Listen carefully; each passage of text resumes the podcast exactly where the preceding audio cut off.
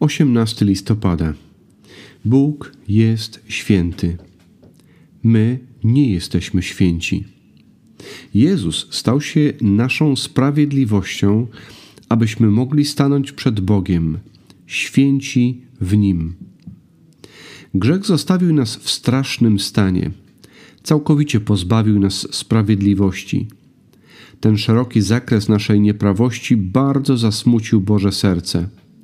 Mocnymi słowami opisuje to fragment z pierwszej księgi Mojżeszowej, szósty rozdział. A gdy Pan widział, że wielka jest złość człowieka na ziemi i że wszelkie jego myśli oraz dążenia jego serca są ustawicznie złe, żałował Pan, że uczynił człowieka na ziemi i bolał nad tym w sercu swoim. I rzekł Pan: Zgładzę człowieka, którego stworzyłem z powierzchni ziemi, począwszy od człowieka aż do bydlęcia, aż do płazów i ptactwa niebios, gdyż żałuję, że je uczyniłem. Ale Noe znalazł łaskę w oczach Pana. Jest to szokujący opis smutnego stanu rzeczy, jaki wyniknął z grzechu. Często uznajemy, że grzech nie jest aż taki zły, że nasze niepoprawne postawy i działania nie są aż tak dalekie od sprawiedliwości. Jednak jedno małe wyrażenie w powyższym fragmencie mówi wszystko. Wyraźnie pokazuje, dlaczego naszą jedyną nadzieją jest sprawiedliwość naszego Pana Jezusa Chrystusa. To wyrażenie jest mocne i otrzeźwiające, ponieważ to ocena ludzkiego serca przez tego, który je stworzył i dobrze je zna. Oto te słowa o człowieku. Wszelkie jego myśli, wszelkie jego myśli oraz dążenia jego serca są ustawicznie złe, albo inaczej nieustannie złe.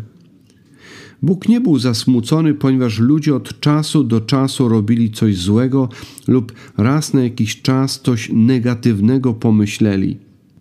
Nie smucił się, ponieważ ich reakcje były czasami naznaczone złymi intencjami. To byłoby wystarczająco złe. Ale sytuacja była o wiele gorsza. Wpływ grzechu na człowieka był całkowity. Zniekształcił wszystko, czego ludzie pragnęli o czym myśleli, a w wyniku tego także to, co mówili i czynili. To dla nas bardzo upokarzające, ale grzech zostawia nas w takim stanie, w jakim nikt z nas nie chce uwierzyć, że możemy się znajdować. Jeszcze raz to zdanie. To dla nas bardzo upokarzające, ale grzech zostawia nas w takim stanie, w jakim Nikt z nas nie chce uwierzyć, że możemy się znajdować.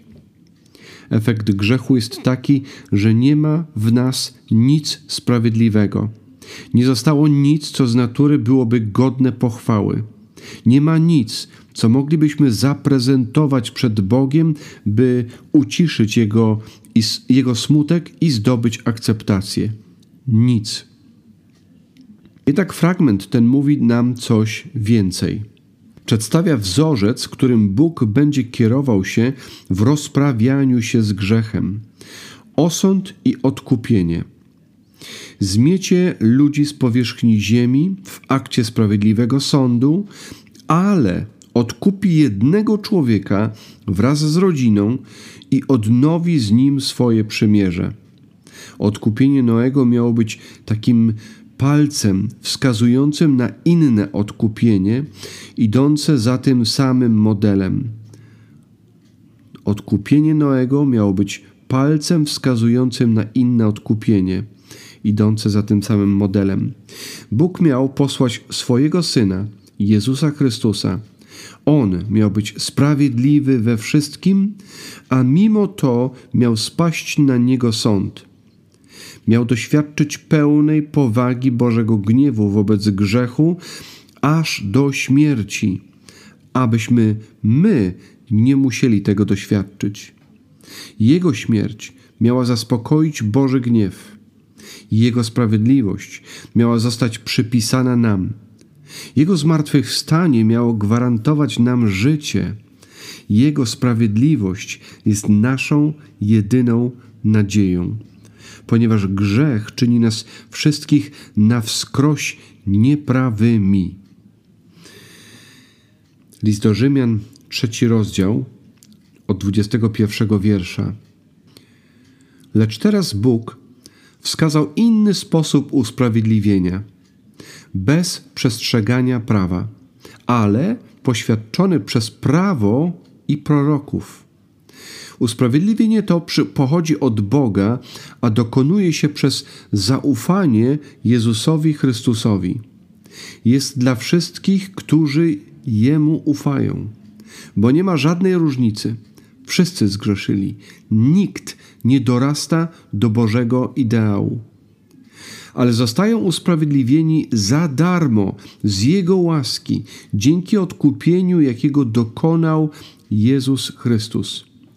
To Jego Bóg uczynił narzędziem przebłagania za grzechy, dokonującego się przez zaufanie mocy Jego krwi ukazał swoje usprawiedliwienie, odpuszczając grzechy w przeszłości, bo cierpliwie czekał, aż Chrystus w obecnym czasie zgładzi je.